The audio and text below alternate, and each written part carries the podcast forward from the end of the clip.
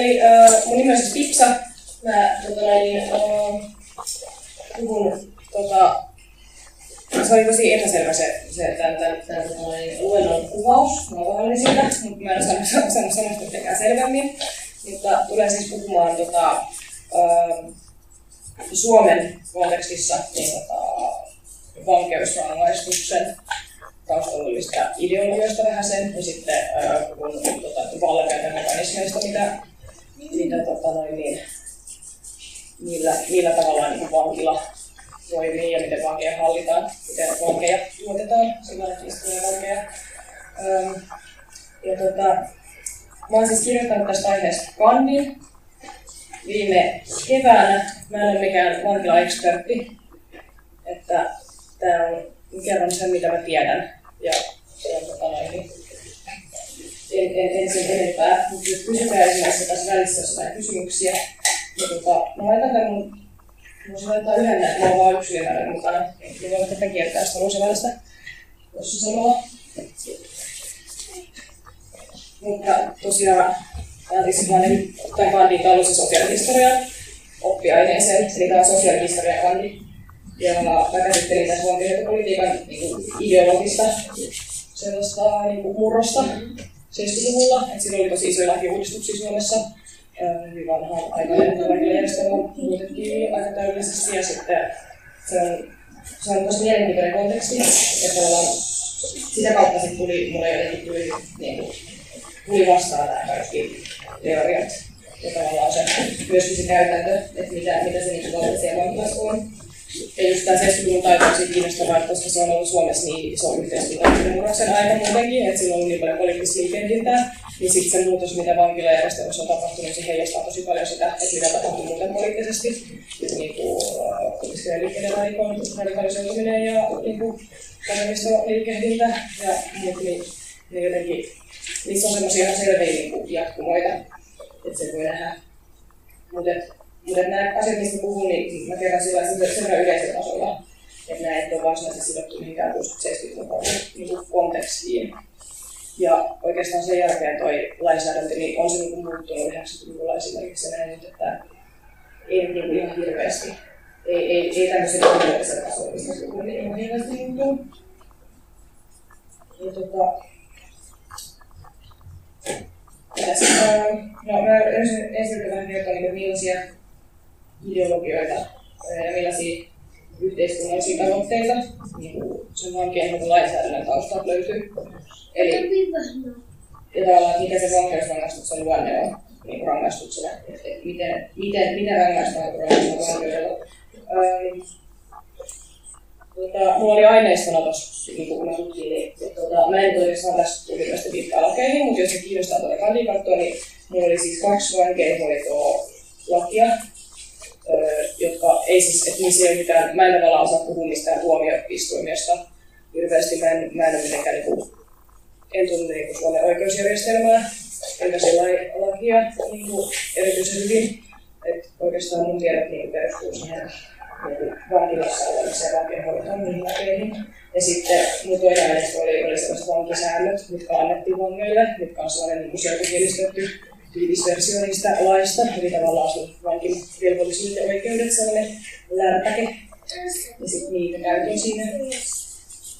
Ja tota, no, mä käytin tässä niinku lähtökohtana, ja mikä tässä, mikä tässä luennoskin nyt tulee, niin ne on sellaiset ää, visiopukuon Se on ehkä tuttu, näin on tämmöinen filosofi, historiaa, no, myöskin historioitsija oikeastaan, joka on siis paljon puhunut niin vallasta ja sitten miten valtaa on tuottavaa ja miten valta ei aina kuria, sitä myös, niin kuin, sitä voidaan myös tuottaa. Ja tota, siinä Kukolla on sellaiset lähtökohdat niin kuin, siihen, että miten pitäisi tutkia, kun se on tota, miten pitäisi tutkia niin kuin, sen pitäisi tarkastella valtiosrangaistuksia ja kouluutta. Niin, ää, se on tuossa tarkkailla rangaista teoksessa, ja siinä se tota, niin, luettelee neljä sellaista niin kuin, pointsia. Mä oon muokannut näitä tähän oman muotoon, mutta mut, mm, sen niin perusajatus on se, että pitäisi ensinkin tutkia rangaistuksen niin kuin sellaista funktio tai sen tarkoitusperää, mikä sen taustalla on. Eikä ainoastaan sitä, että miten tavallaan repress, miten, miten, miten kovaa se repressio on siinä niin kuin itse rangaistuksessa että et kuinka väkivaltaiset se näyttää ulospäin. Että pitäisi pystyä myös näkemään sen taakse ja niin kuin, tunnistaa se, että, että, että, että mitä, sillä, mitä se on rangaistuksen aiheuttamisella tavoitellaan. Ähm, sitten toinen on just toinen on sellainen, että rangaistusmuoto yleensä tutkii niin päämäärähakuisen politiikan näkökulmasta. Äh, eikä sellainen, ei semmoisen pelkkinä seurauksena siitä että meidän niin nykyisestä oikeusjärjestelmästä, joka nyt vaan sattuu olla tietynlainen, vaan se pitäisi aina nähdä niin kuin, ö, vallankäytön semmoisina menettelytapoina tai koko puhuu tekniikoista, niin kuin tai teknologioista ja valmiita teknologiasta, mutta siis, että et miten tavallaan että et mikä, mikä on pää, mitä, mitä se on päämääräinen politiikka siellä taustalla. Et, tämä ei ole koskaan seurausta, vaan se on niin aktiivista politiikan tekoa. Ja sitten kolmas pointti on sellainen, että, että mikä on tavallaan liittyy historiaan siihen, että miten, miten oikeuskäytännöt muuttuu, niin on sellainen, että niin kuin, ei pitäisi nähdä ei pitäisi nähdä niin kuin esimerkiksi humanistisia tällaisia ihmisoikeuksiin ja ihmisyyteen liittyviä käsityksiä, niin niiden kehitystä ei pitäisi nähdä erillisenä, erillisenä niin kuin historiana sitten tota noin, niin, niin kuin jostain vaikka rikosoikeuden historiasta mihin liittyy sitten tosiaan se, että rikosoikeuteen liittyy niin tosi paljon myös psykiatria ja muu niin kuin, tavallaan käyttäytymisen, ihmisen käyttäytymisen niin kuin, yhä ammattimaisen tutkiminen. Ne pitäisi nähdä yhtenä, yhtenä tavallaan sellaisen samana, samana jatkumana ja kehityksenä. Mm. Et, et sekä sellaisena rangaistuksen, rangaistusten niin, niin sanottuna inhimillistymisenä, mutta sitten myöskin samaan aikaan niin kuin, sit ihmisten käyttäytymisen niin paljon hienoisempana ohjaajana. Ja sitten neljäs pointti on sellainen, että pitäisi, pitäisi niinku, tai sitten koska oikeuskäytännöt on tieteellistynyt tosi paljon, eli tavallaan se rangaistukset on enemmän ja enemmän niinku, yritetty kohdistaa sen pään sisään ja vähemmän ruumiiseen. Niinku, meillä ei ole esimerkiksi Suomessa näitä rangaistuksia, mutta sitten on erilaisia, sitten erilaisia rangaistuksia. Niin tota, niin tavallaan tämä oikeuskäyttöjen tieteellistyminen kuitenkin niin liittyy siihen, millä tavalla se rangaistusvalta kuitenkin on ihmisen ruumiissa ja kehossa, eikä vain jossain muualla. Et mä sanon myös vähän pari sanaa rangaistuksen niin ruumiillisuudesta, että miten se on rangaistus. Mm. Mutta eteenpäin. Kuuluuko mun ääni? Tota, mulla oli tarkoitus tutkia, ähm, tarkoitus tutkia naisvankeja, niin ja sitten tutkimustulossa ei selkeästi ole mitään tietoa. Eli niitä ei, niitä ei ole olemassa, ainakaan niin 60-70 tilastoissa ei vaan ole. Ja tuohon aikaan niin naisvankien suhteellinen määrä oli jotain 3,5 prosenttia, nykyään se on noin 7 prosenttia. Et taas toinen tosi mielenkiintoinen aihe keskustella myös, mistä mä en tänään oikein ehdi, ja myöskään, koska luvan kuva muusta, niin mä siitä. Mutta tavallaan se, miten, miten sukupuoli on niin kuin, meidän koko tämä tavallaan niin koko toi, että miten, miten, miten tuo sukupuolityö näkyy sitten sillä kontrollipolitiikassa ja siinä, kuka joutuu vankilaan ja, ja miksi olisi, ja miksi ne viihtyy joutuu vankilaan. Ja myöskin, ähm, myöskin eri sukupuolta olevat ihmiset joutuu vankilaan. Äh, niin kuin, siinä on myös tilastosiirrot, niin on se, että vähän eri syistä, että, että ne ei välttämättä niin ne suhteet ole samoja kuin ne niin kuin luokitellaan eri rikosuhteihin, niin ne rikostyyppejä, niin se ei ne, ne ei ole ihan samanlaisia. On tosi kiinnostava aihe myös, mutta me tiedän sen. Ja tota, näin, toisen kerran. Ää, vähän tästä vankeusrangaistuksen taustasta, niin kuin, että, että mitä, mitä tavalla rangaistuksella, millaisia päämääriä on ollut, niin oikeastaan aina on sellainen osattu niin kuin, luetella tietyt päämäärät, joista niin oikeastaan nämä pätee aika moni muihin rangaistuksiin kuin vankeusrangaistukseen että se nyt on vaan sitten niin kuin, no, tämän meidän historian lopputulos, että kaikki, kaikista rikoksista, niin kuin, kaikista tavallaan törkeimmistä rikoksista rangaistaan just vankeudella, eikä jollain muuta tavalla. Mutta et, et, et ensimmäinen syy olisi niin rikoksen sovittaminen. Että alun perin, se on ollut, niin kuin, alun perin se on ollut ehkä enemmän sellainen avoimemmin tai suorasukaisemmin niin kosto mentaliteetti, mutta mut sitten nykyään niin ajatellaan, että se on sovittamista, rikoksen sovittamista, mikä on tietysti vähän hassua, koska esimerkiksi tämä vankila ei niin sovita sitä, jos tehdään jotain paskaa. että, että se niin toimi näin, tai että, että mitä se niin sovittaa. Että on hyvin psykologinen juttu, meillä ei oikeastaan niin hirveästi välttämättä tekemistä konkretian kanssa. Et ehkä sit, no ehkä sitten jollain, tota noin, niin, no ehkä sitten jossain niin kuin, ennen ihmisillä lähtiin pakkotyölaitoksiin, niin silloin ehkä ajateltu olevan tällainen niin vaikutus, että hyvitetään yhteiskunnalle joku johonkin yksilön tai omaisuuteen kohdistunut rikos. Mutta joka tapauksessa sanottaminen on vähän tällainen jotenkin outo ja kyseenalainen termi, että miksi niitä sanotaan. Et se on ehkä, niin, se on ehkä enemmän ajatus kuin totuus. Ja sitten toinen, toinen niin kuin, tarkoitus rangaistukselle on tietysti pelote. Et, öö, ja pelote sillä että se rikollinen ei tekisi sitä rikosta uudestaan. Se on myös muille ihmisille, eli niin kuin esimerkki, mitä tämä on selvä homma, tai sillä että, että, niin kuin näytetään, että, että jos, teet, jos teet väärin, niin käy huonosti. Ähm, ja sitten kolmas on, niin kuin, mikä tulee vankeusrangaistukseen, niin, niin on sitten yhteiskunnan niin kuin suojaaminen siltä rikolliselta. Ja tämähän on käytännössä niin kuin, ää, Suomessa jo aika monessa muussa paikkaa niin määräaikaista. Sitten voi miettiä, että kun se pääsee se pois vankilasta, niin millainen se vankila on. Että onko siinä mitään suojaamista tai siis sillä, että siitä on määräaikaisuus.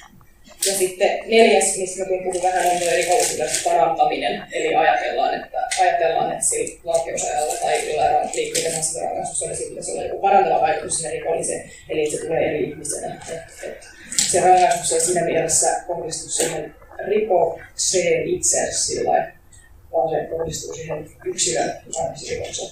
Ja sen takia halutaan, että yksilöstä olisi erilainen, ei se palata yhteiskuntaan mikä on aika mielenkiintoista, ja se ei myöskään toimi, että siis rikokset on niin rikolliset on rikoksia, että hän siis tarvitse täysin niin kuin, niin, se siis jos katsoo niin tilastojen, eihän se niin mennä, että tämä ei niin toimi yhtään. Että et, et jos joku kerran vankilaan, niin sitten todennäköisesti joutuu uudestaan, jos se on paljon vankilassa. Ja niin. Et siinä mielessä niin kuin, siinä mielessä niin kuin, vaikka, vaikka, ei jotenkin, vaikka ei olisi anarkista tai vaikka ei olisi niin kuin, ehkä sellaista anarkistista jotenkin niin kuin, niin, tai siis, että et, et, jos haluaa argumentoida, argumentoida ihmiselle, joka ei ole anarkisti ja joka on sillä että en ole anarkisti, että et mun mielestä vankilat on ihan ok, niin, niin jos niin yksi näkökulma on se, että ne ei toimi, että ne, mitä, se mitä vankila yrittää tehdä, niin se ei, ei, ei toimi oikein missään. Mm. Mutta toi parantamisajattelu on niinku, no tuossa 70-luvulla asti se on ollut tosi jotenkin suorasukaista tai suorasukaisempaa kuin mitä nyt. Et sen jälkeen tuli vähän sellainen näennäinen laissez-faire, sellainen ajattelu, että pitää jättää se, että et, et, ei pidä, niinku, pitää, tehdä se vankila, koska se on jotenkin normaalia. Ja on myös vähän kyseenalaista, että miten sitten tehdään normaalista vankilassa. Mutta mutta se oli ehkä suorempaa, että silloin niin ajateltiin, että se parantaminen tulee, niin kuin, että työ parantaa ihmistä niin kuin moraalisesti, että jos pistetään tekemään raskasta työtä, niin sitten se niin kuin, toimii moraalikasvatuksena. Ja sitten no, uskonnollinen kasvatus, et Suomessa on ollut vielä 60-luvun lopulle asti, no käytännössä kuulutti pikkuhiljaa, mutta on ollut pakkokirkko vankiloissa, mikä on niin kuin, aika jännittävä jäänne, sitä ei kuitenkaan ole muualla ollut enää niin 60-luvulla. Silleen niin kuin, pakotettuna, paitsi vankilassa ja sitten niin koulussa periaatteessa niin sitä tietysti niin on työnnetty. Että se on niin kuin, ehkä sen jälkeen se on muuttunut tosiaan vähän hienovaisemmaksi se niin parantamisen työ, että sitä nyt, nyt, nyt, nykypäivänä puhutaan hirveästi kuntoutuksesta ja vähemmän parantamisesta, koska siinä parantamisella ajatellaan olevan vähän sellainen, niin kuin, nykyään sillä, kun ennen pappi pääsi, niin tai joku kuraattori kuntouttaa. Ehkä niin voisi kuitenkin ajatella, että se niin samanlaista jatkumosta. Mm. No, nyt mä vähän, mikä niin vankilassa tekee vankilan. Vähän siitä. Mitä on vankilan tuhanteen piireistä. No ensinnäkin toi, niin kuin, jos ajatellaan kontrollipolitiikkaa, ja me tarvitaan kontrollipolitiikkaa sellaista ähm, semmoista keinovalikoimaa, mitä niin kuin instituutio tai yhteiskunnan niin kuin, autoriteetit käyttää valvomaan ihmisiä ja sitten hallitsemaan niitä niin kuin, kitkemään ei-toivottuja ähm, ilmiöitä, piirteitä. Ja tota, tämä on usein sillä aikaisemmin tuottavaa tai valinnassakin, että kontrollipolitiikka ei ole aina vähän suoraa. Että et välttämättä niinku, ehkä se kaikkein kurinalaisin takaisin niinku, alaisin tapa kitkeä jotain käyttäytymistä ihmisten keskuudesta ei välttämättä ehkä aina tehokkain, että se on mukaan vai se itse valvoo itteensä ja toteuttaa sellaista niin kuin, jotenkin yhteistä, yhteistä itsekontrollia. Ja tämä on niin kuin, paljon tehokkaampaa. Et, et, tota, niin, tästä on, niin no, tästä on esimerkiksi Esimerkiksi niin vankila, joka on tosi sanoa kurinalaitos, niin sielläkin on tosi paljon se tuottavaa kautta. Se vanki ei välttämättä esimerkiksi yritä joka päivä karata sieltä vankilasta, vaan se niin kuin, on siellä.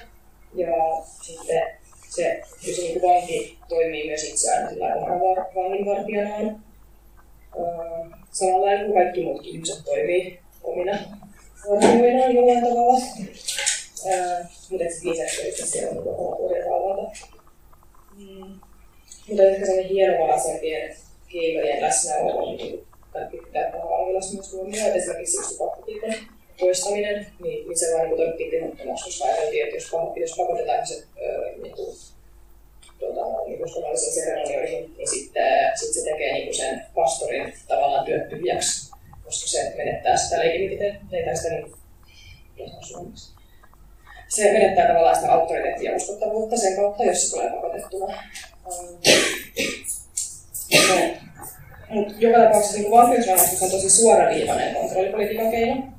Että niinku, ihmiset perään vankilaan järjestetään sinne, sit sä et saa niinku, olla missään kosketuksessa muihin ihmisiin. Että tämä on niinku sellainen hyvin, loppujen lopuksi kuitenkin hyvin sellainen, niinku, jotenkin sellainen aika, aika niinku, kara, tai sellainen, siinä kiteytyy kuitenkin sellainen niinku, ehkä tavallaan niinku, monella tapaa väkivaltaisin tapa harjoittaa kontrollipolitiikkaa.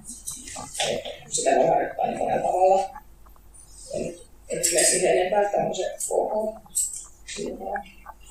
Mutta sitten vankilasta, no minkä takia vankila on niin väkivaltainen, niin äh, mä kävin tässä mun kannissa, oli sellainen, sellainen kaveri kuin Hoffman, joka on äh, 60-luvulla tai on sosiologi, joka on kirjoittanut paljon eri aiheista.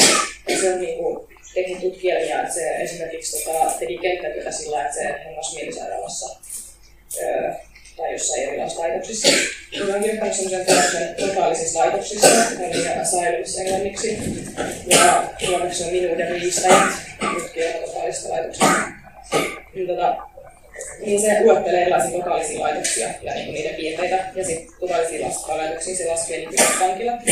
Ja tällaiset erilaiset pakkohoitolaitokset, mielisairaalat, mutta myös esimerkiksi niin tällaiset vanhan ajan, niin tällaiset vanhassa niin vanhain, niin köyhäintalot, vai, vai tällaiset niin kuin erilaiset vanhusten kodit. Ja sitten armeijan esimerkiksi, että joku laivasto on hyvä esimerkki siitä.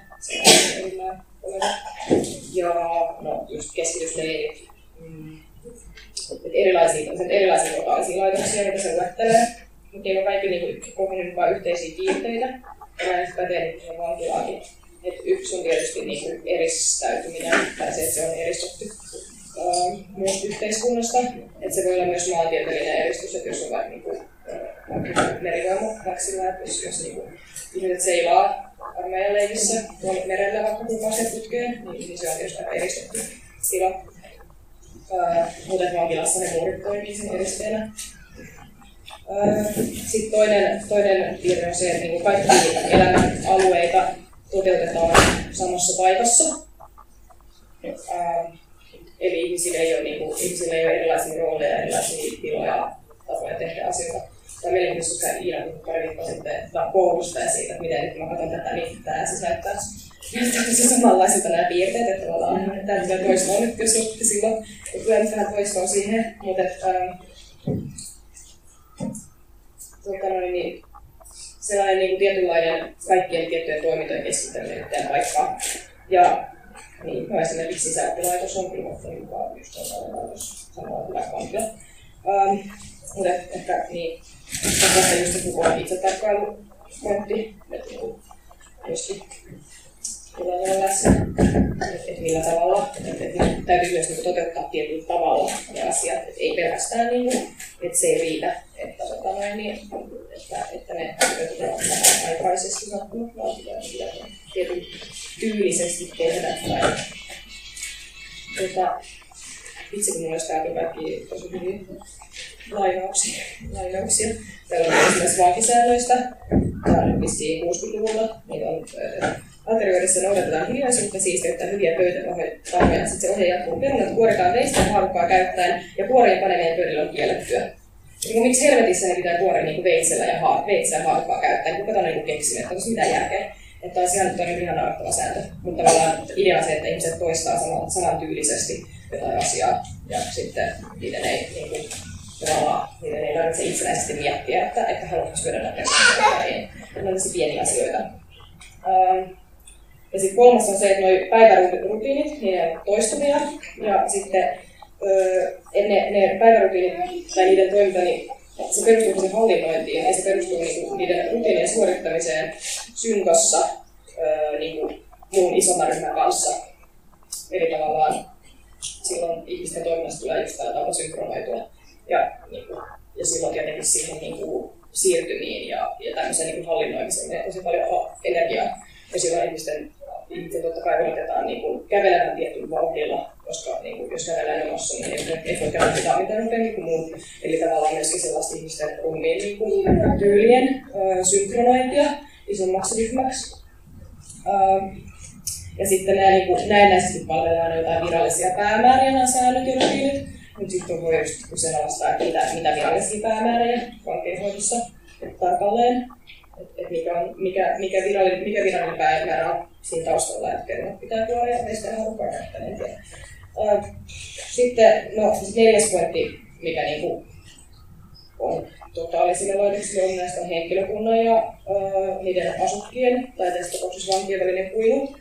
Eli ähm, ensinnäkin, tota, niin kuin erilaisilla symboleilla niin erotellaan vangit ja henkilökunta. Niin kuin hyvä esimerkki on just vangin vaatteet ja sitten just vanginvartijoilla, siis on henkilökunnalla, missä on tietysti on työvaatteet.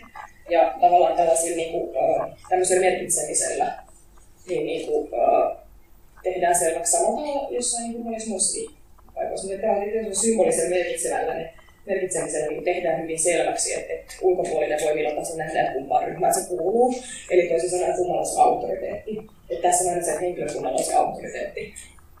Vaikka se henkilökunta ei ole se ryhmä, joka viettää siellä koko elämänsä tai sen kaiken aikansa.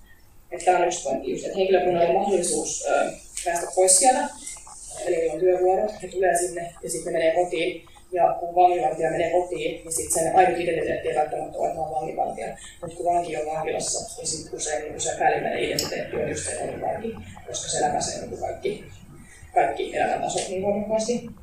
Ja tällä tavalla niin kuin, mahdollistaa sen, että se henkilökunta pystyy ylläpitämään niin kuin erilaisia sosiaalisia rooleja öö, päällekkäin. Eli silloin, silloin, silloin henkilökunnalla on enemmän mahdollisuuksia niin kuin, öö, myöskin pitää oma identiteettinsä kasassa, kun taas niin ei ole. Eli tässä tulee tämä minun identiteettilistajat, joka siis puhuu tavallaan niin kuin identiteetin harrastamisesta. Ja niin just näiden sosiaalisten roolien niin menetyksen kautta ihmisellä ei ole autonomiaa siitä, että minkälaisia rooleja se voi ottaa elämässä, että se rooli on vanki.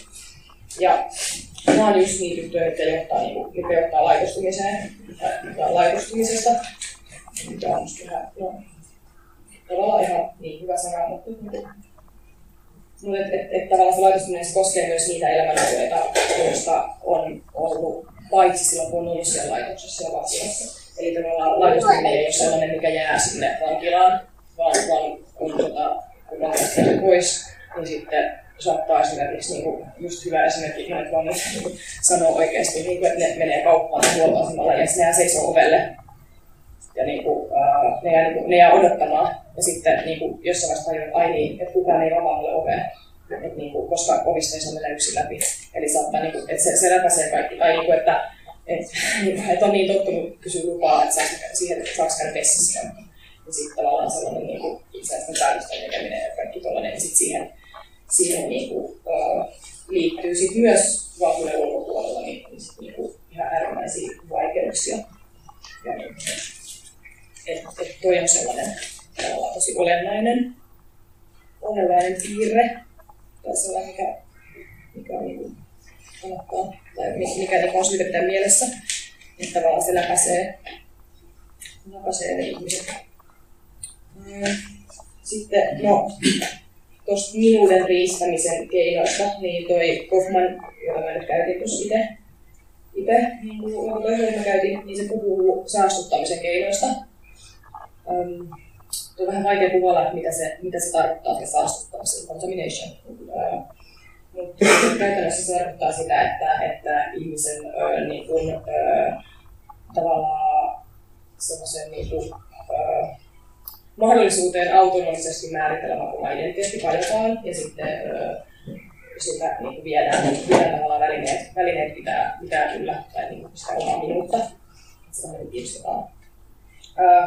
no, esimerkkejä tästä on esimerkiksi just kun vankilaan tullaan, niin sitten siihen liittyy niin tietyt rituaalit aina, ja se rituaali on myös sellainen vallankäytörituaali, jossa vangilta viedään esiin henkilökohtainen omaisuus, että saa olla tiettyjä, tiettyjä tavaroita saa olla. Ja noi vankisäännöt on ihan huomattomia, varsinkin jossain 50-luvulla tai jossain, kun ne on tosi tarkkaan selitetty, niin mitä saa olla. Ja siellä on lueteltu, että saa, minkälainen valtaperä saa olla ja minkälainen monikiikkinen kampa saa olla.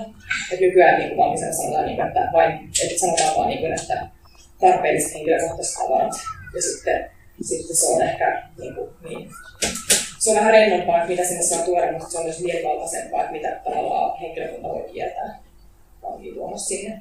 Mutta et, et, tavallaan se, niin niiden tavaroiden, öö, kun sinne tullaan se vankilaan, niin ensinnäkin se niin omat tällaiset kaikki, niin kuin, kaikki kellot, kaikki mitä ne pitää käsissä päällä, niin ne otetaan pois ja ne niin kuin, asetellaan ja niin kuin, koskee tavaroihin. Ja sitten ne niin kuin, laittaa ne, sitten niin nimikoille ja laittaa ne pois syrjään kun tavallaan viedään sellaiset, sellaiset niin kuin, välineet tavallaan niin kuin, kantaa omaa tyyliä olla muiden ihmisten kanssa ja olla ympäristössä. Ja just niin kuin ne vangin vaatteet tavallaan annetaan sille vangille. Ja tässä on just tavallaan sellainen, niin kuin, sellainen niin kuin elein ja symbolein, symbolein tapahtuu merkitseminen, että merkitään just se vangi. Sitten sit kerätään, vangista kerätään tietoja, tietenkin, ja usein niin tämä, tämä on mihin niin valvontakin meillä perustuu, niin kontrolli yhteiskunnassa. Että et joku kerää tietoja, niin se tiedetään, että se tietoja kerätään, mutta sitten usein meille niin oikein kerrotaan, mitä, mitä, mihin sitä käytetään tarkalleen, ähm, kuka sitä lukee, ja sitten tavallaan se, niin kuin, ähm, sit varsinkin siinä vaiheessa, kun niitä tiedot on tosi henkilökohtaisia, vangilla on paino, hiusten väri, silmien väri, onko tatuointeja, onko leistuksen ja näin, kaikki tämmöiset tiedot, niin sitten tavallaan siinä se tai niin osa semmoista rituaalia, missä, niin kuin, missä niin kuin, ns. tärkeimmät tiedot tulee niin kuin, muuttuu vaan semmoisiksi niin kehollisiksi faktoiksi. Ja sitten, tai sitten niin kuin, faktoiksi sitä, mitä, mitä tämä onkin on niin mahdollisesti tehnyt. Ja sitä, se on se henkilö, joka hallitsee sitä tietoa, ja se on se ilmainen arkisto sillä vangilla ei ole siihen pääsyä, pääsyä siihen, niin kuin, tavallaan siihen dataan, mitä siitä kerätään. Öö, no sitten muita saastuttamisen keinoja on esimerkiksi niin kuin, no toi yksityisyyden puute nyt on yksi sellainen, mikä niin kuin leimaa kaikkea. Eli tavallaan sellainen niin kuin, tietyllä tavalla sellainen niin kuin oman äh, intimiteetin saastuttaminen. Öö, esimerkiksi vierailut on valvottuja, eli ne kosketukset, mitä on ulkomaailmaan, niin sitten onkin niin on valvottuja, niin sitten niin voiko olla normaalisti. Tai niin kuin esimerkiksi no, yleensä on kirjesensuuri, eli tavallaan mitä voi ilmasta ulospäin sieltä vankilasta silloin, kun se on ilmasta. Sitten, no, sitten niin esimerkiksi peseytyminen ilman yksityisyyttä, joku, että et, et vaan saattaa niinku, saattaa niinku, ottaa vuosikausia kesäytyä sillä että sillä on niinku, todella vähän yksityisyyttä. Ja esimerkiksi niinku, noin paljon selvyyttä on yksi sellainen esimerkki siitä, joka on siis Suomessakin vielä 2000-luvun alussa, niin äitilapsiselleissä Hämeenlinnassa oli niin, tota, äitilapsiosasto vanhemmat ja lapset oli paljon helleissä. Paljon selli on tietysti Paljon selli on siis sellainen ö, selli, jossa ei ole vessaa, Eli kun päivisin ne vangit saa kulkea niistä ovista niin vapaammin, niin silloin ne saa, niinku, silloin saa niinku mennä messaan pyydettäessä tai näin. Et, et jos ei ole, ne saa niinku poistua, ne saa pyytää keskellä yöllä, että voisi vessissa, jos ei käy. Ähm, Mutta sitten yöllä, kun siellä ei ole sitä vartiointia, niin sitten ne ovet lukitaan, jolloin niin kuin, ei ole mitään soittokelloa, että niin he mahdollisuuden veskiin, vaan siellä on ämpäri, jonne sitten, jossa, jonne sitten niin kuin tehdään, tehdään tarvittavat toimenpiteet ja sitten niin se seuraava aamu, kun ne ovet avataan, niin sitten se alkaa sillä, että jaetaan niiden lääkkeet ja aamupala ja sitten ne tyhjentää ne lamppaskastionsa.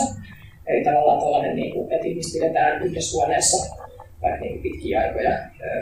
ja sitten sillä, että se on se niin kosketuksessa oman, vaikka sillä oman ulosteensa kanssa, mikä on aika niin kuin, härski esimerkki siitä. että tavallaan, että tuossa on tämmöinen niin kuin, tosi voimakas niin kuin häpäisyelementti mun mielestä läsnä, joka on niin kuin, tavallaan sellainen, joka on nöyryttävä vallankäyttö. Mm. No sitten tietysti, niin kuin, no tietysti niin kuin esimerkiksi seksuaalisuuden niin kuin, ilmaiseminen on aika esimerkiksi aika että sitten ei niin ole, ole tota, niin, helppoa. Ja sitten just tämä, niin kuin, että, että milloin voi mennä vessaan, milloin voi syödä, kun siellä on tietyt ruoka-ajat. Kuinka kauan saa syödä, vaikka kestää tietty aikaa, ei voi istua pöydässä enempää kuin Että tavallaan tällaisia, tällaisia kontrollimekanismeja on muuallakin yhteiskunnassa, mutta valtiossa tiivistyy, koska kaikki, niin, koska se on yksi suljettu paikka, joka on niin laitostunut. Mm. No, sit, ei tämä ole niin ruumiin kontrollin kautta niin tuotetaan sitä rangaistusta. Ja nyt jos me vähän palaan niin Foucaulthan, niin, tota, niin se on, siis puhuu siitä, että millä tavalla se rangaistus niin investoi tai sijoittuu ihmisen ruumiiseen. Että vaikka niin kuin, että silloin kun on siirrytty pois ruumiirangaistuksesta, niin kuin Suomessakin, tai sillä että, että, että, että ei ole, ruumiirangaistukset ei ole vähän yleisiä, eikä, eikä ainakaan, niin kuin, eikä ainakaan niin virallinen oikeusjärjestelmä tuomitse ruumiirangaistuksia, niin, tota, niin sitten kuitenkin niin kuin, korostaa sitä, että, että tavallaan sellainen niin kuin, käyttäytymistieteellinen ja ja muiden tällaisen niin yhteistyöllä, niin voidaan, voidaan niin tuottaa siihen hienovaraisia keinoja jotka on aika tehokkaita ja ehkä vähän halvempia tai ehkä vähän niin kuin ulospäin jotenkin ihmisten mielestä poliittisesti korrektiimpia. Ja sitten niissä on nimenomaan kyse siitä rajoitetaan että et, et, koko on sitä mieltä, että niin vapauden riisto eli se niin kuin, ei, ei, ei missään nimessä olisi niin kuin riittävä öö, vankeu, niin kuin rangaistus itsessään. Ja tämä ei ole siis sellainen, tämä ei ole siis se, että mitä Kuko itse ajattelee, mutta Kuko ajattelee, että tämä on se ajatus, mikä se on. Että niinku, et kyllä, siellä, kyllä sen rangin, ei se riitä, että se on eristetty yhteiskunnasta, kun se on tehnyt jotain väärää. Että ei se uloslukeminen riitä, vaan ne täytyy jollain tavalla niinku kärsiä siellä. Ja, ja et, et voi miettiä, että on, onko se edelleen kuitenkin olemassa sukupuolimentaliteetti, koska mä en keksi mitään muuta syytä. Tai siis tietenkin niin on ihmisiä, jotka uskoo, että, että, että vankila, öö, vankila voi tehdä jotain hyvää ihmiselle, mutta kun se on ihan sillä kaikki, kaikki, kaikki, kaikki riset ja kaikki noita, mitä ikinä, kaikki, jotka, jotka jotain kriminologiaa lukenut tai on ollut jossain rikos, tähän missä tämmöisen niin tavallaan rikos tai, tai tuon vankila-alalla tai tutustunut siihen, niin tietää, että eihän se, niin, eihän se systeemi toimi yhtään. Ja sitten tuli aika selvää, tai niin siitä voi päätellä, että, oikeastaan sellainen kultti on just se ostaminen, koska muutenhan jos haluttaisiin vain edistää ihminen yhteiskunnasta, niin sehän voitaisiin vain kärrätä, me voitaisiin kärrätä vaan kaikki ihmiset Ahvenanmaalle, kun ne tekee jotain väärin. Ja me kärrätä siellä Ahvenanmaalla, niin kuin, tämä, siis niin, tämä, tämä, tyhmästi sanottu, mutta että tavallaan, että, silloin, että sehän olisi niinku riittävä edistys, jos ihminen niinku, vaan niinku, suljettaisiin ulos. Mutta sen sijaan täytyy olla tällaisia mekanismeja, sen sijaan täytyy olla tällaisia niin tapoja kontrolloida sen elämää. Eli tavallaan siinä taustalla on toive siitä, että, että se ehkä jotenkin paranee, paranee tai kooliintuu se ihminen sinne. Et jotenkin, että rangaistuksen pitäisi niin A ensinnäkin muovata sitä yksilöä jollain tavalla, mikä on just mielenkiintoista, koska vankilassa oleminen on kuitenkin pakotettua, ja sitten millä tavalla se muokkaaminen niin tapahtuu. Toki voi miettiä, että mitä kaikki tässä, mikä tässä maailmassa ei ole jotenkin pakotettua, on paljon muitakin instituutioita, jotka pakottaa ihmisen muokkaa itseänsä. Mutta sitten toinen, niin, että rangaistuksen pitäisi niin B, sen pitäisi niin tuntua joltain, ja sen pitäisi jotenkin sen takia just sijoittua siihen ruumiiseen, koska sellainen niin kuin, no, hukkuu, niin kuin, että, että rangaistus kohdistuu sieluun. heittomerkeissä, niin, niin sitten sen täytyy, sen täytyy olla jotain, jotain mikä, mikä koskettaa myös ruumista ja kehoa. Muuten sitä ei, niin muuten sitä ei voi pitää tavallaan sellaisen rangaistuksena. Ähm, haluatteko kysyä jotain näistä vielä? No sen jälkeen vähän, mä nyt vähän vastarinnasta. Mutta haluaisitko kysyä tästä jotain? Tai kommentoida? No. Jos ei, niin voidaan myös myöhemmin. Mutta mä puhuisin vastarinnasta yksi, tavallaan, no yksi syy, minkä takia mä itse tutkin tässä niin, tota, 60-70-luvun taidetta, niin on just se, että silloin oli, niin kuin, silloin se, että poliittista vastarintaa oli enemmän. Ja se on tosi mielenkiintoinen aihe. Ja olen itse miettinyt, tai mua on kiinnostavaa tutkia poliittista organisoitumisesta joskus vankiloissa. Mutta siihen on, se on tietoinen, se on tietoinen aika vaikea päästä käsiksi. Ja sen takia mulle ei sitä tietoa ihan hirveästi ole. Mutta no minkälaisia erilaisia liikkeitä. Marraskuun liike on sellainen niin kuin, tavallaan sellainen, se on sellainen niin kuin, ei oikeastaan yhden asian liike, vaan oikeastaan koko sitä kontrolli, sen ajan kontrollipolitiikkaa vastaan käynyt liike lopulla, joka hiipui aika nopeasti, mutta siellä tota, ne, ne kritisoi tosi voimakkaasti ja niillä oli tosi paljon näkyvyyttä Suomessakin. Öö, niin, tota, ne kritisoi tosi paljon esimerkiksi just, öö, no erilaisten niin kuin laitos, erilaisia laitosolosuhteita, just niin kuin mielenterveyspotilaat oli yksi ryhmä, jonka etuun ne halusi ajaa ja sitten toinen oli vangit. Ja ne toimi siis ulkopuolelta. Että toi marraskuun liike on itse asiassa julkaissut sen Ervin Kohmanin Viduriliisteettis alun perin suomeksi. Niin ne on sen vuonna 68 niin marraskuun liike on tuota, toimittanut sen suomeksi.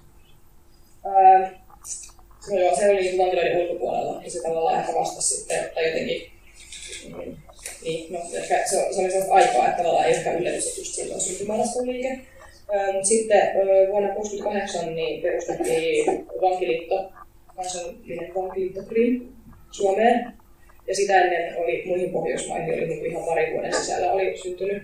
Oli, niin niitä on Krumeja ja Krimejä ja näitä. Ne on siis kaikki käytännössä tota, ne on vankien pare, parempia oikeuksia ajavia ö, järjestöjä, ne yleensä siis organisaatioita. Ja ö, yleensä niiden niin ensisijaiset, ensisijaiset vaatimukset oli, niin, oli tota, noin, niin, niin kuin vankien niin kuin akuuttien olojen parantaminen, että just niin jälki, että ne että ei ole tarpeeksi jälkihuoltoa ja sitten just kritisoi niin kirjasensuuria ja niin kirjeiden kirjekiintiö, tuota paljon salayhteydessä ulkopuolelle. Sitten kaikkea niin kuin esimerkiksi, no just esimerkiksi niin telkkarit, se on tullut telkkarit ja, ja näin. Mutta et, et, niin kuin, et ei ole, kun silloin ei oikeasti ollut ihan hirveästi, niin Vuohja ei ollut hirveästi tämä kontaktia ulkomaailmaa, niin se kritisoi sitä ja sitä aika paljon niin kuin sitä työtä pidettiin tosi niin kuin jotenkin mielettömänä. Että jotenkin, mikä, mikä se varmasti oli ihan totta, että niin kuin monella oli varmaan sellainen fiilis, että ne niin kuin kantaa niin kuin vettä ämpärillä avannosta toiseen, kun on töissä vankilassa. Että et se niin kuin sen työ kritisointi. Mutta sitten, no esimerkiksi Ruotsissa kyllä niin kuin toi, ää, Ruotsin krimi oli kyllä ihan siis, niin kuin, siellä oli kyllä ihan avoimesti niin kuin hyvin sillä, niin kuin vankiloiden vastaisia statementteja, jotka, niin kuin, ja ne niin kuin vastutti uusien vankiloiden perustamista ja ajoi niin kuin, äh, vanhojen vankiloiden lakkauttamista asteittain. Ja Suomessakin tällaisia ääniä kuulee, että oikeastaan ainut materiaali, mikä, mikä mä oon päässyt käsiksi on Krimiin, on se Krim-lehti ja sitten Krim-tiedote, jotka ilmestyi niin vuonna siis 68-75, siinä on pieni tauko välissä. Tota, niin, niin siellä kyllä niin kuulee hyvin erilaisia ääniä, tosi paljon niin siellä käsitellään niin hyvin konkreettisia asioita, että niin mikä, mitkä, mitkä asiat niiden vankilaan haittaa. Mutta kyllä siellä niin mun mielestä myös sellainen ihan aito vankilakriittisyys, jotenkin sellainen ymmärrys siitä, että tämä ei voi toimia. Ja niin kuin, parempi olisi lakkauttaa koko paskaa. Tota, tämä Krim sitten, öö, siis toi mietintö tuossa vuonna 75 toi vankeinhoitolainsäädäntö muuttui tosi paljon. Et sitä ennen Suomessa, vaan, Suomessa oli niinku pohjoismaista kaikkein iso vankimäluku, se oli tosi korkea. Ja, silloin oli, silloin oli paljon sukulaisia ja mutta et se siihen. Mutta et, et, se lainsäädäntö pidettiin niin ihan siis myös Suomessa, mistä pidettiin kyllä takapäiväisenä, mitä se olikin. Ja tota noin, niin sitten vuonna 1975 tuli niin tosi iso uudistus, että se edellinen, edellinen esimerkiksi toi asetus, mikä asetus rangaistusten täytäntöönpanosta, varsinaisen asetus, se on laki, niin se on niin kuin, siitä oli niin kuin muokattu joskus 50-luvulla vähän sen, mutta siis se, se niin kuin edellinen laki oli perässä vuodelta 1929 ja sitten niin kuin se sit uudistettiin kokonaan vuonna 1975. Niin, tota, mutta sitten tämä kriminalisointi, että sitten niinku vuoden 75 jälkeen niin ei ole, niinku, siis se järjestö lakkautettiin ja mä en, mulla ei ole mitään tietoa, niinku, että olisiko sitä yritetty uudestaan sitten missään. Siis koska nämä uudistukset oli niinku krimin vaatimuksen suuntaisia, mutta sitten minkä takia nykyään ei ole niinku poliittista järjestelmää ja vakioituksia. Hyvä kysymys, en tiedä. Ja tavallaan myöskin niin usein vaikka ajatellaan, että, että vankien olot on parantunut siellä vankilassa, voi olla ja katsoa ja ei tarvitse tehdä mitään ja on vasta kivaa ja voi lämmintä ja pääsee, että ei tarvitse niin paljon. Niin täytyy myös muistaa, että yhteiskunta on muuttunut tosi paljon. Öö, että asenteet koventuu aina välillä. Esimerkiksi jos se niin asenteet koventuu tosi paljon verrattuna siihen 60-luvulla se oli tosi takapainen lainsäädäntö. Ja myös yhteiskunta muuttuu sillä että meillä on myös hyvin erilainen tapa elää ja olla. Että meillä on niin internetiä ja meillä on ja meillä on telkkarit ja systeemit. Eli tavallaan se, että, että, niin kuin, että jos, niille, jos vangeille niin kuin NS suodaan lisää tai vapauksia, niin sitten se pitää mun mielestä aina asettaa siihen kontekstiin, että verrataan sitä siihen, minkälaista yhteiskuntaa on siinä ympärillä. Koska se pointti on just se, että, että jos se hakeutuu ole siellä vankilassa nyt X aikaa, sitten 16 kuukautta tai, tai 6 vuotta, niin, niin tota, mitä erilaisempi se on se, on, mitä erilaisempaa se elämä siellä vankilassa on, niin sitä vaikeampi tietysti on niin palata takaisin. Olen menettänyt niin kaiken. Ihan kaiken. Niin se on myös hyvä muistaa, että pitää aina miettiä, niin että mikä, mikä on mahdollista vankilan ulkopuolella ja mikä on mahdollista vankilassa eikä ainoastaan se, että onko joku rangaistukset koventunut, onko tuomiot pidentynyt tai yhdentynyt, tai onko jotain muuta, että vaan niin myös miettiä sitä. No, tota, mutta tuossa filmistä mä tiedä, sitten tietysti niin kuin on noita vankiliittojen lisäksi tietysti siis on noita, niin kuin, vankiloissa on siis niin kuin, kyllä, kyllä niin kuin, vankien omia hyviä järjestöjä, mutta niistä on vähän vaikea saada tietoa. Mulla ei ole tästä tietoa tästä aiheesta. Mutta siis mun käsitys on se, että, että osa niistä, niin kuin, että, että aina välillä, ne, niin kuin, välillä se yritetään tehdä jotain poliittista tai sellaista, ja sitten välillä se on sitten enemmän sellaista toimintaa. Niin mutta tietysti voi kysyä, että mikä on poliittista, jos vaan haluaa edistää omaa asiansa sillä niin kuin, jonkun ryhmän kautta vankilan sisällä, sillä niin kuin, että hei, me halutaan poliisikenttää, niin et, et, eikö se ole poliittista, jos, ei, niin kuin, jos, ei, jos ne liittyy tämmöisiin pieniin mukavuuksiin. Öö, mutta niistä mulla ei ole syvää tietoa, että mä en voi niistä puhua. Niistä on aika vaikea saada tietoa. Kyllä haastattelu. Mutta sitten nykyään ja niin Prison Abolishment Movement on sellainen liike, joka on myös olemassa ja esimerkiksi Ruotsissa oli just silloin 60-luvulla niin oli aika vahva sellainen niin kuin solidaarisuusliike, mitä sitten taas Suomessa nyt ei ehkä ollut muuta kuin toi Dream, joka kyllä siis niin kuin, tavallaan teki tosi paljon yhdessä ajassa. Mutta sitten on kyllä myös, mutta on myös nykypäivänä. Mä en tiedä, tällä hetkellä kun täysin Ruotsissa, niin on yritetty vähän niin kuin aloittaa uudestaan ja ruveta uudestaan pykälän sellaista jotenkin solidaarisuustyötä kaikille vangeille, ei pelkästään poliittisille vangeille. Et, tota, et poliittisia vangeja niin tuetaan tietysti paljon aktivistipiireissä, mutta sitten sellaisia nykyään, jotka, niin kuin, jotka tekisivät aktivistityötä tai solidaarisuutta vangeille ja sen lisäksi vielä niin kuin ajaa, ajaisi tota, niin, valtioiden lakkauttamista, niin, niin se sillä tavalla on hiljasta. Mutta kyllä esimerkiksi Jenkeissä on paljon. Öö, Gent on puhunut tosi paljon siitä, sellainen öö, Davis myös niin niillä on tosi kiinnostavia hyviä pointteja juttuja, jos haluaa tutustua. Niistä ne on kirjoittanut paljon kirjoja aiheesta ja, ja sitten ne niin tietää just paljon tavallaan, koska niin myöskin tai, ja myöskin tästä niin sukupuolikysymysten kannalta. Ja sitten esimerkiksi mä löysin Australiasta sellaisen, sellaisen niin kuin naisvankien tukiryhmän, joka, jonka niin kuin kampanja on niin kuin tämä Stop Strip Searching.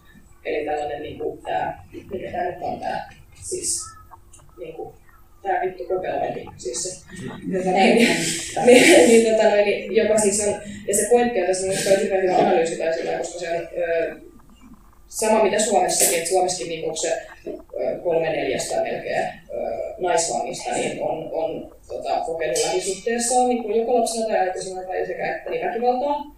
Niin sitten niin sitten se, että, että jos joku valtio, vartija tulee ja niin kuin, tavallaan ilman, ilman niin kuin, sillä lupaa, niin, niin, tota, niin kuin kokeiloi läpi ja koskee, niin sitten ne on niin kuin, tavallaan argumentoista vastaan sillä, että sanoo, että tämä on ne on ihmisiä, jotka on, joilla on traumaattisia kokemuksia väkivallasta, ja tämä on nyt valtion suoraa, suoraa seksuaalista väkivaltaa ja sukupuolista väkivaltaa.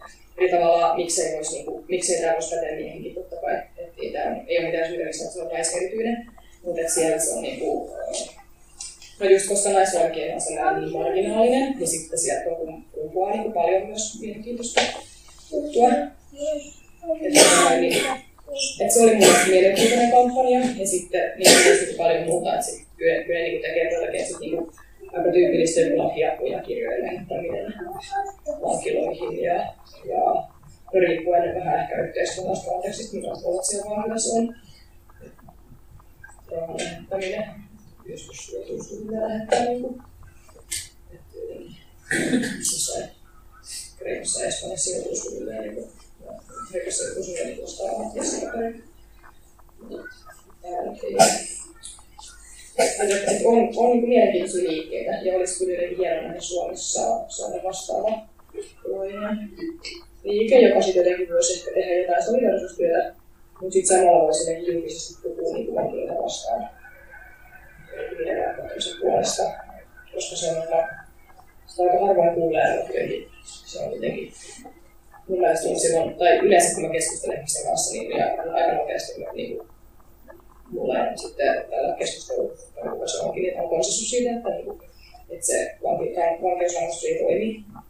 Ja sitten miksi ei ole sellaista, niin kuin, miksi ei sellaista aika ääneen haastaisi. Että, kyllä nyt AML tekee paljon mä en tilanteessa, koska kun puhuu siitä se ei toimi. Mm. Eikä se, kun se voi paikalliseksi, niin on pidä paikkansa. Mm. Mä en miettinyt, että eikö kuitenkin se ole tuossa vähän aikaa uutisissa ainakin, että olisi Daily olisi postissa, mm. mainittiin, että tuohon Norjassa olleeseen tai sen vankilakokeiluun, joka ollut ilmeisesti suhteellisen tehokas, koska se on tavallaan varsin inhimilliset olot, uusilla rikollisuuden määrää. Mm. Ja ymmärtääkseni Suomessa, siis sen perusteella, mitä kriminaalipsykologian kurssilta muistan, niin ottaa, tehdään sisäänottohaastatteluita ja joiden perusteella pitää arvioida, mitkä interventiot mahdollisesti voisivat vähentää uusinta rikoksen toistumista, mm. koska me ollaan havaittu, että turhat interventiot voivat lisätä riskiä. Mutta hyvin kohdennetut saattavat toimia. Niin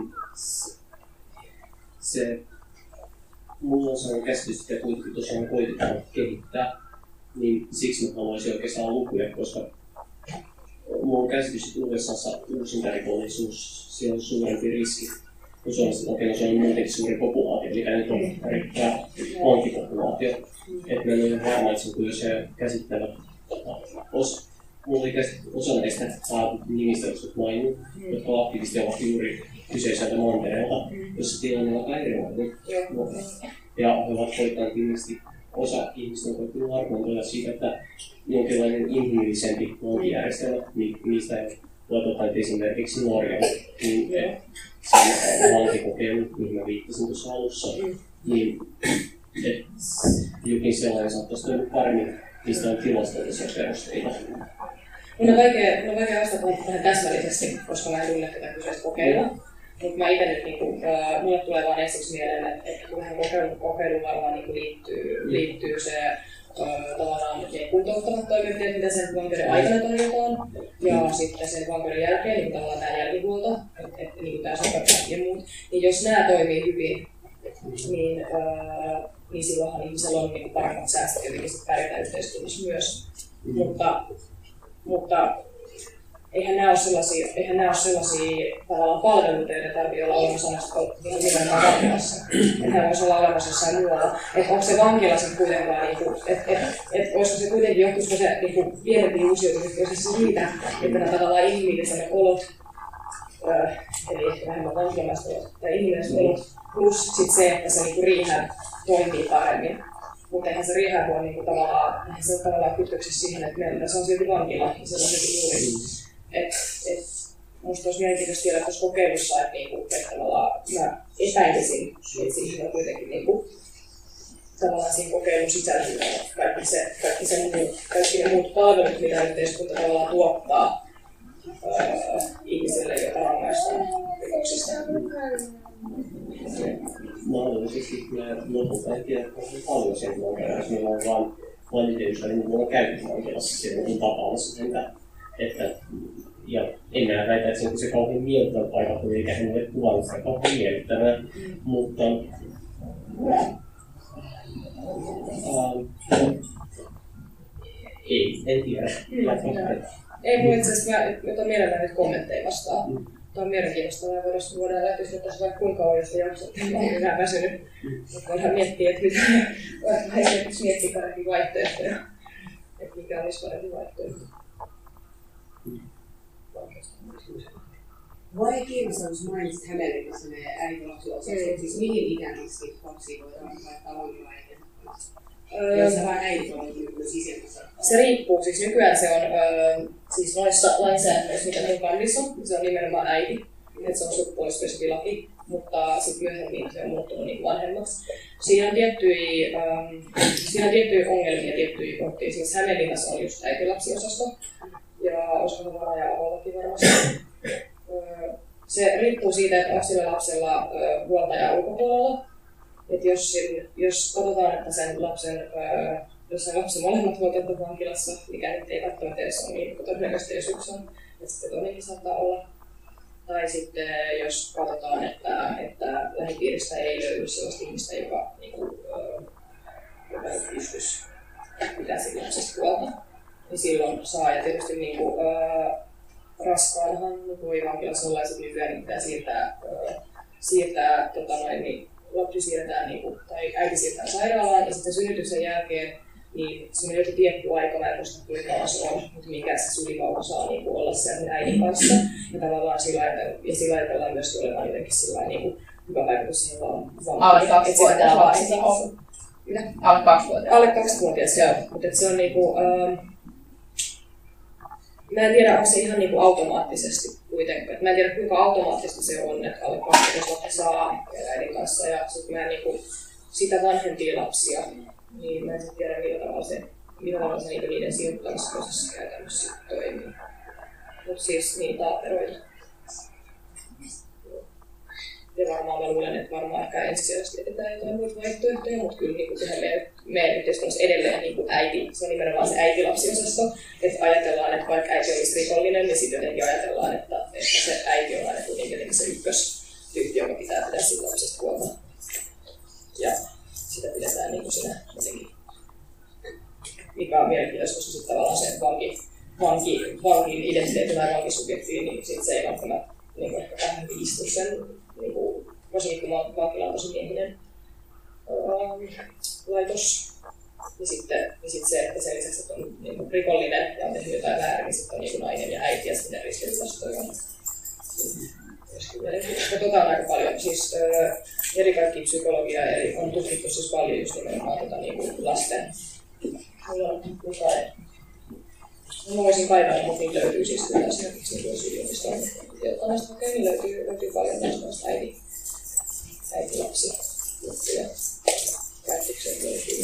käytännössä siis tähän voi sanoa, niin öö, se kaksi vuotta on yleensä aika yleinen aika, milloin ne niin, niin todennäköisesti sijoitetaan, koska se on sijoitettu paikka ja se tavallaan se ei ole niin varsinaisesti äiti, se on sijoitettu, vaan se, se, se, on tavallaan se organisaatio, se vankilan perheosasto, mihin se on sijoitettu se lapsi, että se ei varsinaisesti ole sillä äidillään, vaikka se elää sitä arkea sen äidin kanssa siellä, koska se on niin paljon se henkilökunta ja se tavallaan se toimintatapa, miten se pyörii.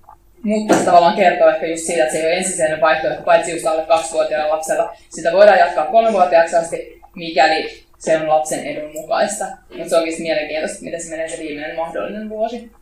Et sitä olisi mielenkiintoista ehkä tutkia. Se on, joo, toi on kyllä kiinnostavaa. Tuossa mä luulen, että sitä onkin vähän eri näkökulmasta tarkastaa. Joo, joku Sulla oli vielä. Nyt mulla mieleen, koska se nykyään on mahdollisuus saada mikä se joku iltakanta tai vastaava. Niin. Tiedätkö siitä, että onko, koska se vaikuttaa vähemmän tavallaan vapautta viedolta kuitenkin, vaikka siinä rajoitetaankin, missä saat olla. Ja sun ilmeisesti täytyy ilmoittaa, tai mihin sä oot menossa, sillä että se on aikataulu päivässä. Joo, joo, siis toi on sellainen... Öö, onko se enemmän seurauksia? Mä tiedän tuosta sen kautta, siis maksimi, öö, siis, kuutta, siis kuusi kuukautta öö, ja sitten lyhyen tuomiot, niin voidaan muuntaa tosiaan sitä pitää erikseen hakea, niin valvonta elektronisesti valvotuksi valvontarangaistuksiksi, jolloin pannaan nilkkapanta ja sitten tehdään sellainen päivä, päivä öö, niin kalenteri. Ja sitten sun täytyy olla niin minuutin tarkkuudella himassa, että jos myös bussissa ja sitten se näkyy siellä, kun se kanta piivittää. Ei se nyt räjähdä sen kirkkaan. Mutta et siis, et sit, sit, sieltä kyllä lähtee, sit, sieltä kyllä lähtee sit niinku suljetulla aika nopeasti, jos sit lai mokailee. Mä en tiedä tästä sen enempää, se on aika uusi laki, eli tosta tuskin on vielä mitään tietoa, miten hyvin se on toiminut. Öö, kaikki mitä me tiedän tästä pantarangaistuksesta on aseesta kieltäytyy kautta, AKLssä toiminut, ja sehän on siis totaalikieltäytyminen, hän on tota, totaalinen tuomio, eli se on kuukautta ja vissiin yhden päivän yli, mutta se, on, se siis tota, kuuluu siihen. Ja sitten nykyään totaalinen on mahdollisuus myös siihen valvottuun. Ja siis siinä...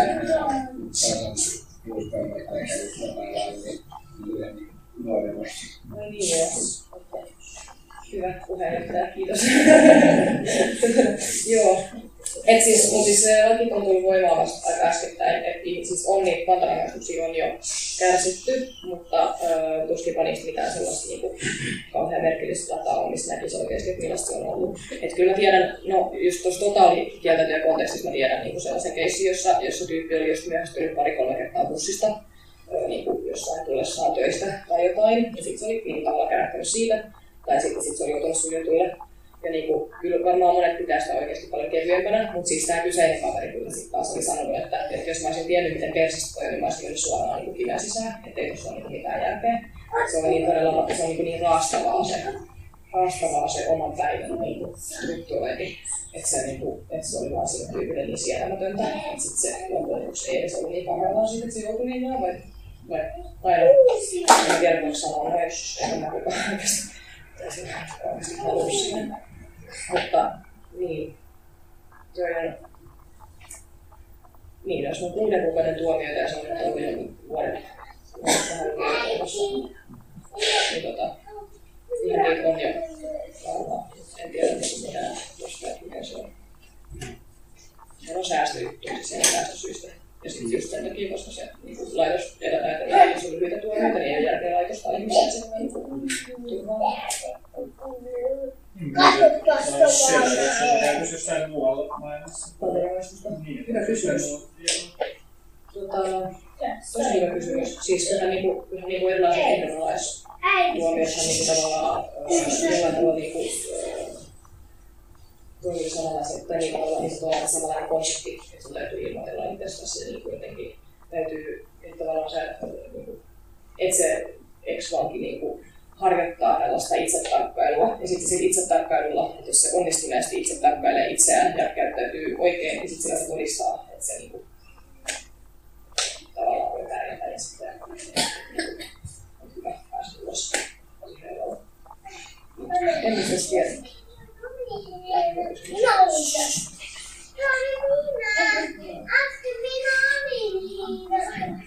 Onko siellä jotain?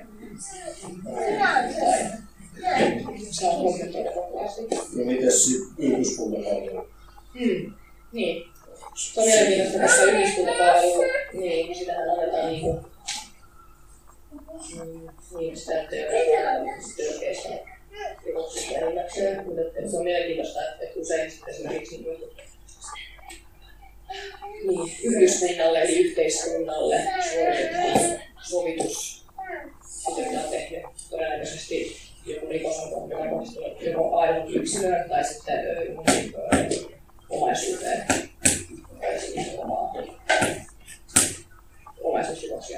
Perinteisesti On. toi alkusanan pääsääntöisesti vaatii loppuja. Niin.